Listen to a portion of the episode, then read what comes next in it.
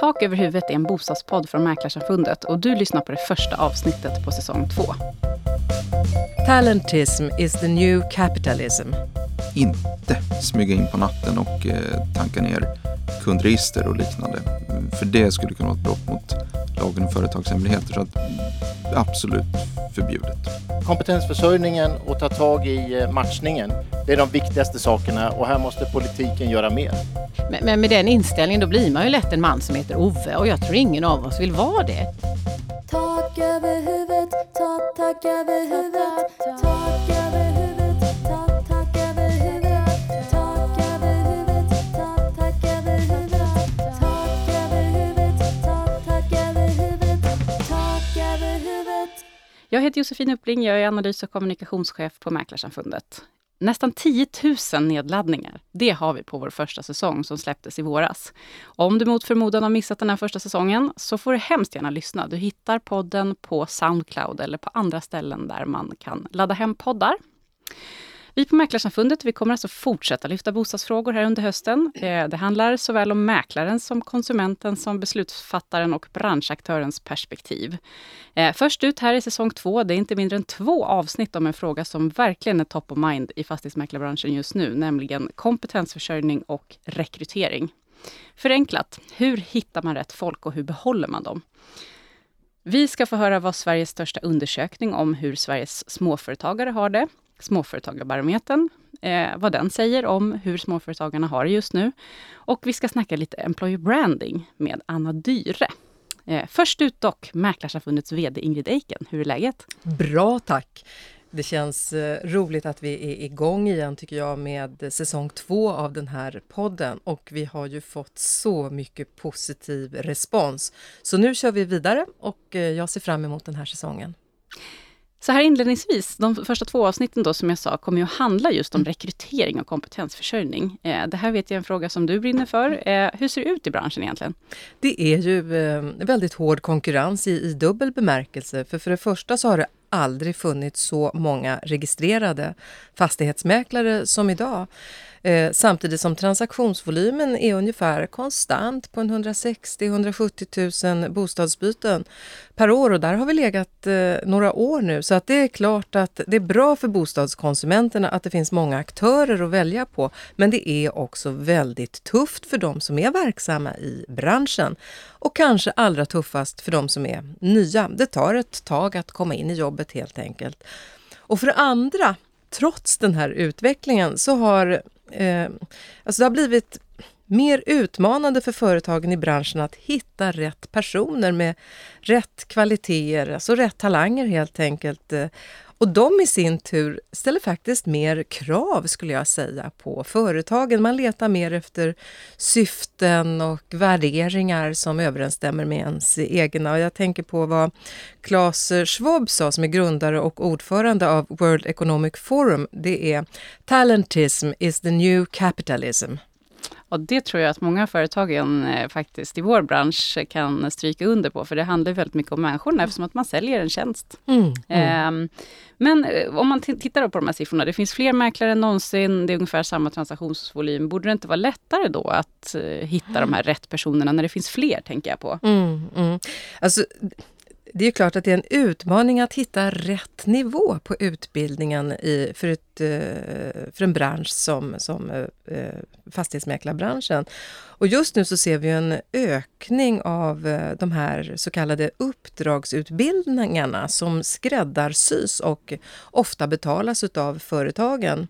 Högskoleutbildningarna har ju krav på att hålla tillräckligt hög akademisk och teoretisk nivå samtidigt som branschen ofta efterfrågar den här praktiska inslaget i utbildningen för att säkerställa att de nyutexaminerade mäklarna kan rätt saker helt enkelt. Och det här är en balansgång och eh, det är inte helt enkelt. Här tror jag faktiskt också att vi har ett eh, ett ansvar och, och en roll att fylla i att försöka ha en dialog med eh, våra universitet och högskolor så att det blir riktigt bra utbildningar. Mm. Och de är ju rätt så öppna för det också, vad vi har förstått. Vi har ju dialog och sitter i branschråd Mm. och försöker så gott det går, men det är klart det är den här dubbla utmaningen där helt Mm, enkelt. Mm, mm. Eh, men, men åter till frågan där, om det nu finns så många fastighetsmäklare, borde det väl liksom lösa sig ändå, eller hur Ja. funkar det?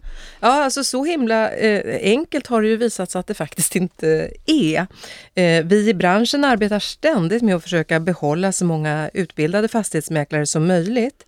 Men omsättningen är ganska så hög. Och en fördel nu jämfört med förut är ju att utbildningarna är treåriga. Det är många som har efterfrågat det. Då har man lägre trösklar att eh, röra sig. Det finns fler karriärvägar för de som utbildar sig. Eh, och eh, det, det är bra, men det har ju också påverkat hur branschen ser ut. Eh, så att det som känns angeläget nu är ju egentligen att eh, få fler att stanna kvar längre efter det att man har klivit in i branschen. Och särskilt angeläget kanske det är att se till att unga kvinnor stannar kvar i branschen. Fastighetsmäklaryrket blir allt mer jämställt, men, men det är kvinnor som slutar i högre utsträckning och jag tycker här att det är också viktigt att företagen tänker i, på att man har en viktig roll i att attrahera talanger både, och, och kompetens, både kvinnor och män, så att man skapar miljöer där bägge vill stanna längre. Mm, absolut, och det här kanske är en generationsfråga. Nu är vi lite off topic här, men vi, vi har snackat om det förut du och jag, att man har, du var inne på det här med värderingsstyrt, man ska hitta mening.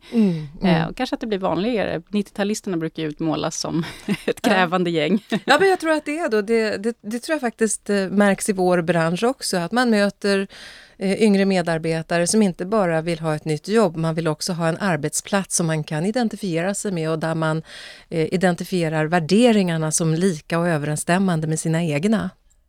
Stort tack för den här introduktionen. Nu kör vi igång avsnitt 1, säsong 2. Tack Ingrid Eiken. Tackar, det ska bli kul.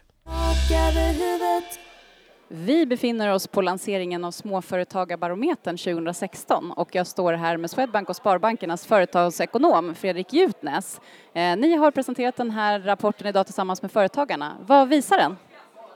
Den visar att eh, konjunkturen är stark, att små och medelstora företag är väldigt viktiga.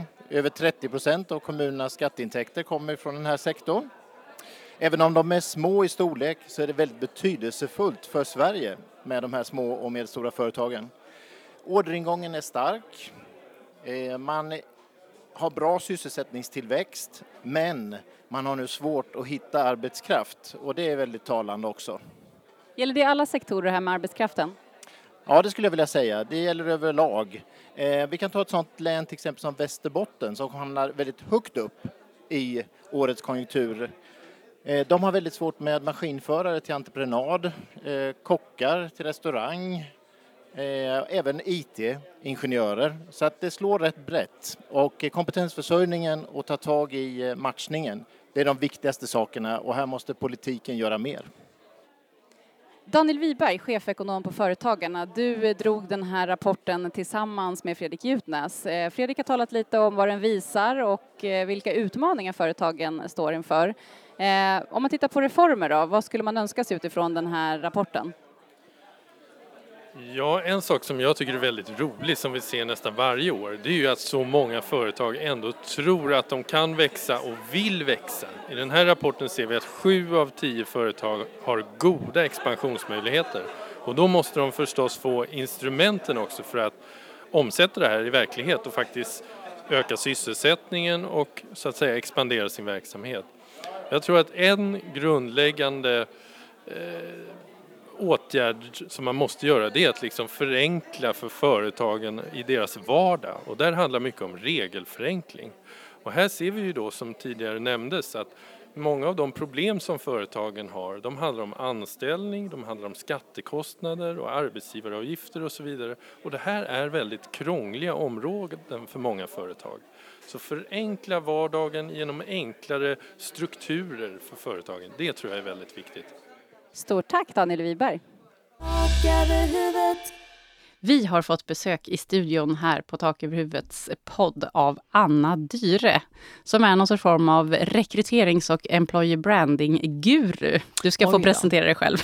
Välkommen! Tack så hemskt mycket att få komma hit. Ja, vill du presentera dig själv? Det, köper du min introduktion eller har du Ja, bättre det är ju alltid förslag? underbart att få vara en guru, vad det nu innebär att man kanske jobbar med yoga eller annat. Men eh, att vara en guru är ju så här att jag har jobbat med frågor kring det här som man kallar för employer branding i nästan 20 år. Ja. Och vad det egentligen handlar om det är ju detta att alla vill vara en attraktiv arbetsgivare för att man vill säkerställa att man får rätt medarbetare, man får dem till sig, man utvecklar dem och också se till att man verkligen kan få genomfört sin egna ska säga, affärsplan hur den ser ut. Det är ju inte så väldigt konstigt och det här här gäller ju både offentliga och privata arbetsgivare.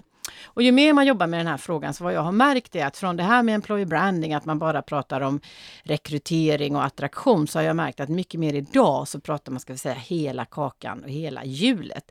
Lika mycket som du tittar på dina kunder så tittar man på sina medarbetare och försöker hitta vad kan vi bli bättre? För att en väldigt, väldigt stor del av kostnaderna i bolagen, det är för personalen. Och det har man verkligen upptäckt nu. Och särskilt i den här branschen där vi verkar just nu, Mm. i fastighetsbranschen. Absolut, det är ju mäklarna som är, det är ju både de som kostar pengar och de som drar in cashen helt enkelt. Och det är en knäckfråga, sa vi inledningsvis här i podden, för branschen. Jag skulle säga att det är den frågan som är allra, allra mest, eh, eller den frågan som alla snackar mest om just nu och där man verkligen vill liksom knäcka någon typ av nöt. Hur lyckas man både attrahera de som är bäst och när man väl har gjort det, hur lyckas man sen behålla dem? Nej, men det är ju alltid det som är den stora frågan. Och sen, sen är det ju väldigt lätt att man sneglar på alla andra. Men, men, men mitt tips är ju så att man måste ju faktiskt dels jobba med frågan strategiskt. Och det är ju faktiskt så att det börja på absolut allra högsta nivå med ett medvetandegörande. Och det kan jag väl säga nu att nu känns det ändå som att poletten har trillat ner. Att vi kan inte bara leva med ett lönerace hela tiden.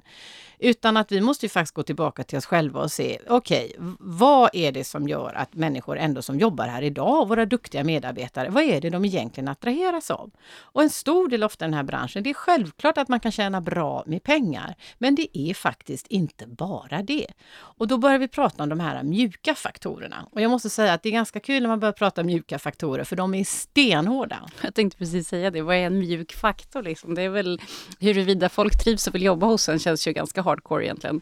Absolut, men man, man har har ändå sorts vilja och vi lever, jag har levt väldigt länge i ett ingenjörssamhälle, att vi kan slänga in det här i ett Excel-ark, hur det ser ut, att om vi har det så faller A, så faller B. Men om vi pratar om kultur och vi pratar värderingar, så kallar man ofta det för mjuka faktorer. Varför vet jag inte, för det är väl antagligen att du kan inte stoppa in det i Excel-arket.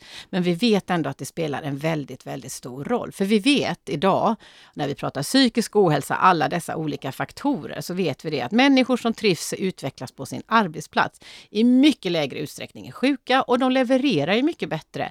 Och vad händer? Jo, man levererar mycket bättre mot kund, för kunden märker att här är ju några som trivs och har kul på sitt jobb. Allt hänger ihop. Mm.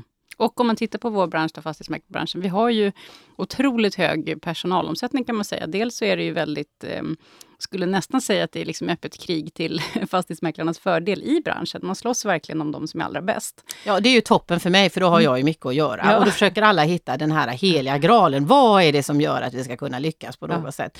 Och vad som är så spännande är också att det finns ju olika skolor. Vissa säger till mig, precis som det kan vara i detaljhandeln och annat, att ja, men vi dras med en väldigt hög personalomsättning och så är det precis som att det är en gyllene regel. Och det är ganska kul, för då kan man jämföra dem med de som är sämst i branschen, och säger många till mig att ja, men vi är i alla fall inte sämst. Nej, okej, så kan man resonera. Eller så brukar man vara mycket bättre när man tittar kanske på andra branscher, för det är ju ändå människor vi har att göra med här. Och kunna bestämma sig att, men vad är en, en normal omsättning? Det är klart man ska ha en viss omsättning, absolut. Men som den är idag i er bransch så är den för hög. Det blir väldigt, väldigt dyrt. Det blir också att du får lägga enormt mycket kraft och resurser på den här frågan som du kanske hellre vill ha lagt lagt på din kund eller kanske på att värva nya kunder eller utveckla de befintliga medarbetarna. Så det blir lite race to the bottom, tyvärr. Mm. Och vi ser ju också, det är inte bara det att det är väldigt stor omsättning och att man byter jobb ofta för att man konkurrerar, utan det handlar också om att väldigt många lämnar branschen Ja. helt och hållet. Vi har ju inga liksom, eh, på något sätt statistiskt eh, säkerlagda siffror på det här, men vi vet att det, vi har hört ibland att det skulle kunna vara upp mot 30 procent av de som faktiskt utbildar sig till fastighetsmäklare som under de första 3 till 5 åren lämnar branschen. Ja, och tänk vad sorgligt för den personen som har investerat både tid och kunskap och kraft för att göra en utbildning som är ganska tuff att komma in på. Det är en väldigt attraktiv utbildning. Där det sen visar sig när du har varit på arbetsmarknaden i två, tre år att du väljer att göra någonting annat. Det är en förlust både för den individen och även för det företaget som har anställt den personen. Och det är väl där vi kan se de viktiga gapen och också fundera på, kan vi göra någon sorts självrannsakan här? Eller, Vad eller, säger du då? Vad ska man göra? Om du fick liksom guida oss igenom den här självrannsakan. Ja men den här självrannsakan är ju lite grann som jag sa att eh, mycket är ju ofta att man måste gräva där man står. Mm. Ett är att förstå att det här är en utmaning eller ett problem. För ibland när jag träffar lite äldre mäklare så säger de till mig att ja ja ja nu skiljer vi agnarna ifrån vetet, det är sink och swim och de blir så akademiska på den här utbildningen. Och då är det väldigt lätt att då lägger vi faktiskt problemet och alltihopa i någon annans knä. Eller så finns det de som faktiskt är lite mer självreflekterande och tänker det att vad synd, vi tappade några faktiskt väldigt duktiga här. För vi kanske inte förstod oss på generationen riktigt. Vi ställde kanske en typ av krav eller vi hade en typ av kommunikation som faktiskt inte riktigt funkar. Och så har vi ändå haft någon som skulle faktiskt kunna bli väldigt, väldigt bra. Och där, där vill jag säga också att det är viktigt att ha den här typen av tålamod. Men om vi tar det ett generationsperspektiv så kan jag Mm, säga det är ju att- lite intressant. 90-talisterna verkar ju vara riktiga kravställare. Om man Ja, ska det har man ju alltid och det är generation luktar kudde och vi har hört så mycket saker. Men jag vill säga, vi har aldrig haft en så faktiskt väldigt många otroligt ambitiösa, duktiga, välutbildade ungdomar. Men som har jättehöga förväntningar. De har ofta varit med hemma och bestämt när familjen köper en bil. Vilken bil ska vi köpa? Vart ska vi åka på semester? Min röst är jätteviktig. Och då är det rätt viktigt att jag tas på allvar när jag kommer till en arbetsplats. Men också en längtan efter tydlighet. Vilka är vi? Hur jobbar vi här? Att våga prata om de mjuka frågorna. Och, och där tror jag till exempel bara det här med hur du gör en introduktion, hur viktigt det är. Jag har träffat flera fastighetsmäklare som har sett till att man alltid har en mentor, någon som berättar de här, ska vi säga, oskrivna reglerna hur det går till. Någon som faktiskt peppar mig vid sidan av och applåderar mig. Så inte jag känner att jag nästan kastas till vargarna och så ska jag bara upp till bevis hela tiden. För det här är en generation som bara känner det. Du, kasta inte mig till några vargar, då gör jag något annat. Tack och hej. Okej, ja, men där är ju lite intressant. Men det kanske är så, för att där har jag ju också mött på de som tycker att man ska sätta hårt mot hårt. Den här, det, är liksom en generation med snorgärsar. Det är bara att lära dem hur det funkar att jobba på ett jobb. Men det verkar inte vara någon vidare smart. Nej, och sen är det ju alltid så, handen på hjärtat, alltså, är man över 30 år själv eller 35 så tycker man ju alltid att den yngre generationen är jobbigare för de har roligare, de är snyggare, de är liksom fastare. och så har man alltid klagat, jag menar detta har det varit i alla, alla tider och man säger att de är ouppfostrade och annat. Jag menar, men men med den inställningen då blir man ju lätt en man som heter Ove och jag tror ingen av oss vill vara det. Men det är ju lite grann att bejaka. Sen menar jag att man får ju ofta gå halva vägen var, självklart. Och man kan också tycka ibland i utbildningarna, tänk om vi kunde haft lite mer praktiska moment. Där är ju de lite större arbetsgivarna i branschen ofta otroligt duktiga med sommarjobb, med praktikantjobb, vi lär känna varandra. Och då blir det ju sällan det här stora glappet när jag väl ska börja, då vet jag lite mer vad det handlar om. Och jag kan absolut förstå att vissa kanske har börjat på den här utbildningen med kanske lite fel bild hur den arbetsmarknaden ser ut. Och det här ser vi tyvärr på massa olika ställen. Vi ser det på sjuksköterskor som kommer ut på akutavdelningar. Vi ser det på förskollärare som älskar de här barnen men inte fick gå i någon kurs och ha hand om de här kränkta föräldrarna. Så att vi ser det överallt. Men samtidigt när man frågar företagen, är du beredd att ta emot en praktikant, uppsatsskrivare eller annat, då har man inte tid med det.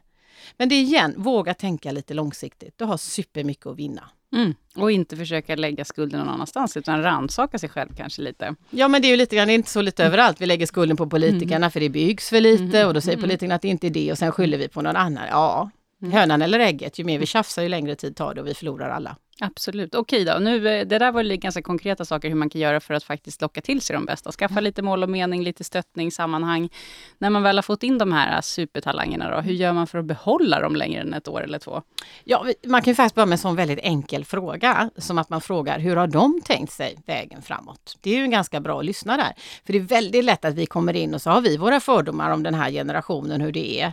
Och det kanske inte alls är så. Och det är också en generation som är vana att de har utvecklingssamtal hela vägen i skolan, det finns individuella planer. Ja, då är det kanske inte så konstigt att jag vill ha det hos min arbetsgivare också. Och precis som man pratar om detta, att vilka förväntningar har jag på dig? Det vill man gärna veta. Vi gillar ofta de lärarna som faktiskt var väldigt tydliga med de förväntningar man hade och visste när man kunde stretcha något. Så att jag, det kan också vara en ganska bra tips. Ett annat bra tips är ofta att om du tar in några stycken samtidigt, se till att de har väldigt kul ihop, att de blir ett team. För det är inte så himla smart att göra den gamla skolan, att nu ska ni tävla med varandra och när året är slut, då är en av er kvar eller något sånt. Alltså det där, ja, nej, De det, ja, det, det kan man säga, det är väl ingen framgångsrik. Men sen ska vi också säga det att mäklare ser ju olika ut självklart. Jag menar, om, om jag går till eh, fastighetsbyrån i Säffle så har de en helt annan typ av objekt, en helt annan typ av försäljningsprocess än om jag går till Årsta och säljer ettor små bostadsrätter medan jag går till Fredrik Eklund. Men det häftiga är ju att det vet ju även kunderna.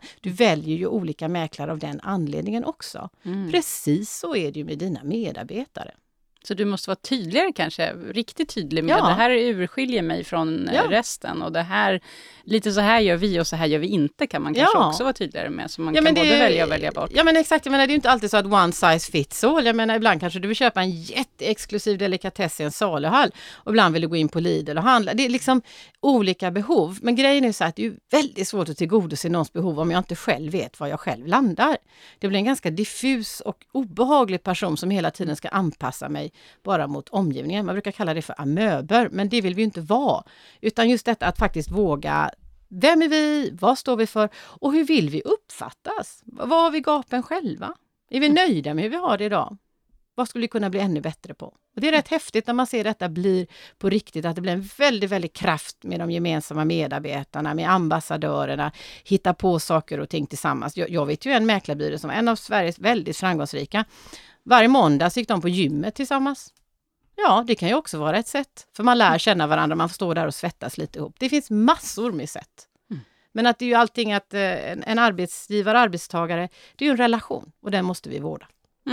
Och vad tror du då om du ska kosta på dig någon liksom framtidsspaning? Det känns ju som du sa inledningsvis att den här man börjar ändå få upp ögonen för det här, man måste tänka på det här sättet, särskilt i branscher som våra där konkurrensen är stenhård både utifrån och inifrån. Eh, ser det ljusare ut framöver? Liksom? Tror du att fastighetsmäklarbranschen kommer bli bättre på att eh, ordna bra villkor och eh, både behålla och locka till sig talanger? Det var en omöjlig fråga svara Ja, på, för precis. frågan Framtiden är ljus och alla kommer bli lyckliga och julafton kommer. Nej, men, ja, även nej, men detta år. jag, jag, jag tror ju väldigt mycket på att nöden är uppfinningarnas moder. Och nu tror jag vi kanske börjar komma lite till vägs ände då man inser att det här inte riktigt funkar. Det, det är inte hållbart i längden. Om vi nu ska digitalisera allting och mäklarna inte finns kvar längre, att vi inte har någon mänsklig kontakt. För det är ganska spännande att se IT-branschen och där är det då väldigt, väldigt boom. Då ser man helt plötsligt att arbetsgivarna faktiskt har bytt fokus. Det är fortfarande en hög omsättning, men man har blivit mycket duktigare på frågan. Så att så sett så ser jag ljus på det hela. Men nu ska vi inte glömma heller att om det blir väldigt trångt i en bransch, lite rörigt, det blir höga personalkostnader, ja då kan det komma in kanske en helt annan typ av spelare med en helt annan typ av lösning och förändra beteendet hos kunden. Så att för några år sedan, jag har ju hållit väldigt mycket kurser för fastighetsmäklare och andra i de här frågorna och jag kom väldigt ihåg när vi pratade för fem sex år sedan och lägga ut objekten på Facebook och det var, oh, det skulle man inte göra, det här är inte där att göra och det var töntigt och fånigt. Idag det finns det inte en byrå som inte gör det. va? För vi måste ju finnas där kunderna är. Och kunderna vill kanske inte heller träffa på en mäklare som bara tänker på pengar och känner så att den vill squeeza dig. Så att det blir en växelverkan och så har det alltid varit i samhället. Jag menar, tänk dig när man tog fram den här du-reformen tyckte man ju var helt crazy att vi skulle kalla varandra du. Men det kom ju det det med. något märkligt att tänka att vi kallade varandra för ni. Ja, och med någon vacker titel att nu kommer Ja. herr fastighetsmäklaren Ja. in här. Utan idag är det ju relationsbyggande och också, vi vet också att de duktigaste mäklarna, det är inte de som kan räkna snabbast i huvudet, utan det är de som kan ta kunden på rätt sätt, som får ett förtroende, som förvaltar förtroendet. För de säljer inte bara din lägenhet eller fastighet, de får sälja nästa och nästa och nästa. Så jag tror att där kan vi nog hitta väldigt mycket. Och framför allt också fundera när du har riktigt duktiga mäklare. Hur behåller jag dem? Hur utvecklar jag dem? Och hur ser jag till att de är den bästa ambassadören för mig? För sju av tio rekryteringar idag, det sker via nätverk. Så de duktiga medarbetarna du har idag, det är din starkaste magnetism. Inte alltid du själv. Jag är hemskt ledsen att säga det.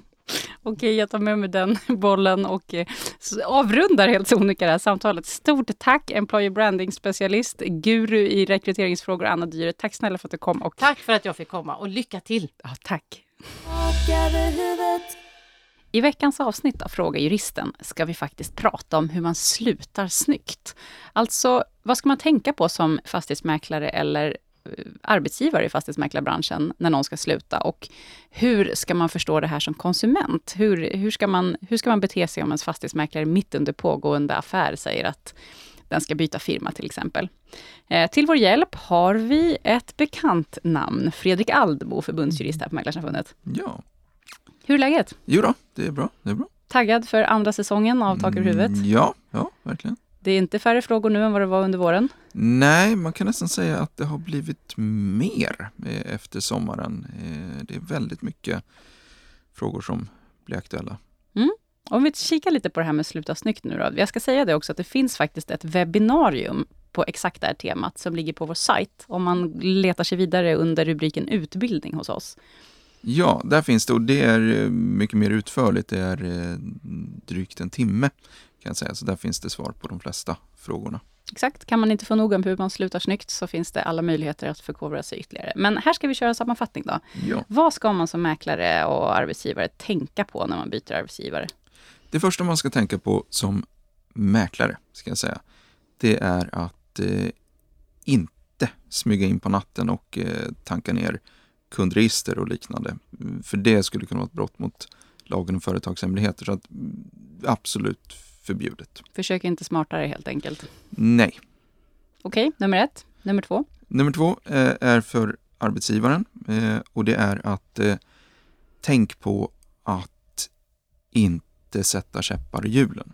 Det är naturligtvis alltid tråkigt om en mäklare och oftast är det de riktigt duktiga som väljer att sluta för de blir överrekryterade till konkurrenter.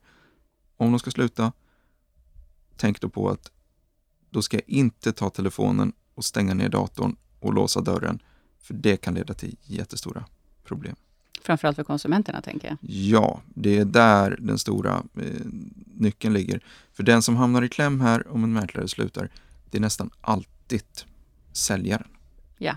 Och vad ska man tänka på om jag som säljare blir uppringd? Då? Jag har valt en mäklare, vi har skrivit på ett förmedlingsuppdrag och den här mäklaren är i full gång och ska sälja min lägenhet. Och sen plötsligt hör han eller hon av sig och säger, du, jag ska byta firma. Mm. Det man ska tänka på då är att eh, konsumenten, eller kunden, säljaren, det är säljaren som bestämmer. Vill säljaren följa med mäklaren till den nya firman, Ah, det Så- är möjligt alltså. ja, så har säljaren full rätt att göra det. Vill säljaren eh, vara kvar på den gamla firman, kanske valde just den här firman på grund av att det här är ett starkt varumärke på orten eller så. Då har säljaren rätt att säga så här, ja men okej, då vill jag nog vara kvar på firman. Då får man en annan mäklare. Och i 99 fall av 100 så går det här smidigt. Men det är klart det kan vara så att arbetsbelastningen är hög och det blir svårt att mm, göra det på ett smidigt sätt. Va? Just det, och vad händer om det ligger ute, säg att annonsen ligger ute på Hemnet redan och ehm, ja, det står ett firmanamn, det står en mäklare och så bestämmer jag mig för att nej, jag vill inte fortsätta med det här. Hur, vad händer då? Då händer egentligen att då kan man eh, säga upp uppdraget som, eh, som säljare. Okej. Och eh, ja, då, då får man bryta, bryta kontakterna helt enkelt. Okej. Något mer som vi ska tillägga här? Ja, det är att eh, om man då skulle välja att eh, gå till en annan, annan firma, då är det ju så att då kan det bli fråga om något som kallas för konkurrerande provisionsanspråk mellan mäklare 1 och mäklare 2. Och där ska man tänka på att som kund så är det inte jag som ska drabbas om det blir konkurrerande provisionsanspråk, utan det är egentligen mäklare 1 och mäklare 2 skyldiga att lösa sinsemellan. Okej, så att eh, det här kan för sig gå, men du ska, eh, om det sker på rätt sätt så ska du inte märka av det som konsument. Precis, men tänk på att berätta att jag hade en annan mäklare engagerad. Ah, Det är det viktiga. Så får den nya mäklaren en chans att kolla upp vad som gällde. Ja, precis. Okej. Yes, som sagt, har man inte fått nog av den här korta sammanställningen så välkomna in på mäklarsamfundet.se, klicka in under utbildning och leta reda på webbinariet Sluta snyggt. Ja. Tack så mycket Fredrik Almo. Huvudet. Tack för att du har lyssnat på Tak över huvudet, en bostadspodd från Mäklarsamfundet. Följ oss gärna på sociala medier, Facebook, Twitter och Instagram. Tak över huvudet har en hashtag som är som det låter, tak över huvudet. Eh, saknade du kanske konsumentkollen från första säsongen? Finns ingen anledning att deppa över det. Formatet är numera webb-tv istället. Så kolla in Mäklarsamfundets sajt eller följ helt enkelt Konsumentkollen på Facebook för att vara säker på att inte missa något. Vi kommer att sända nya avsnitt av Konsumentkollen i webb-tv-form eh, varannan vecka. Tak över huvudet klipps och produceras av Andreas Machado från Diggin Larry. Produktionsledare Caroline Berg, grafisk formgivning och avsnittsbild görs av Karina Vikaby. Och jag, jag heter Josefin Uppling. Över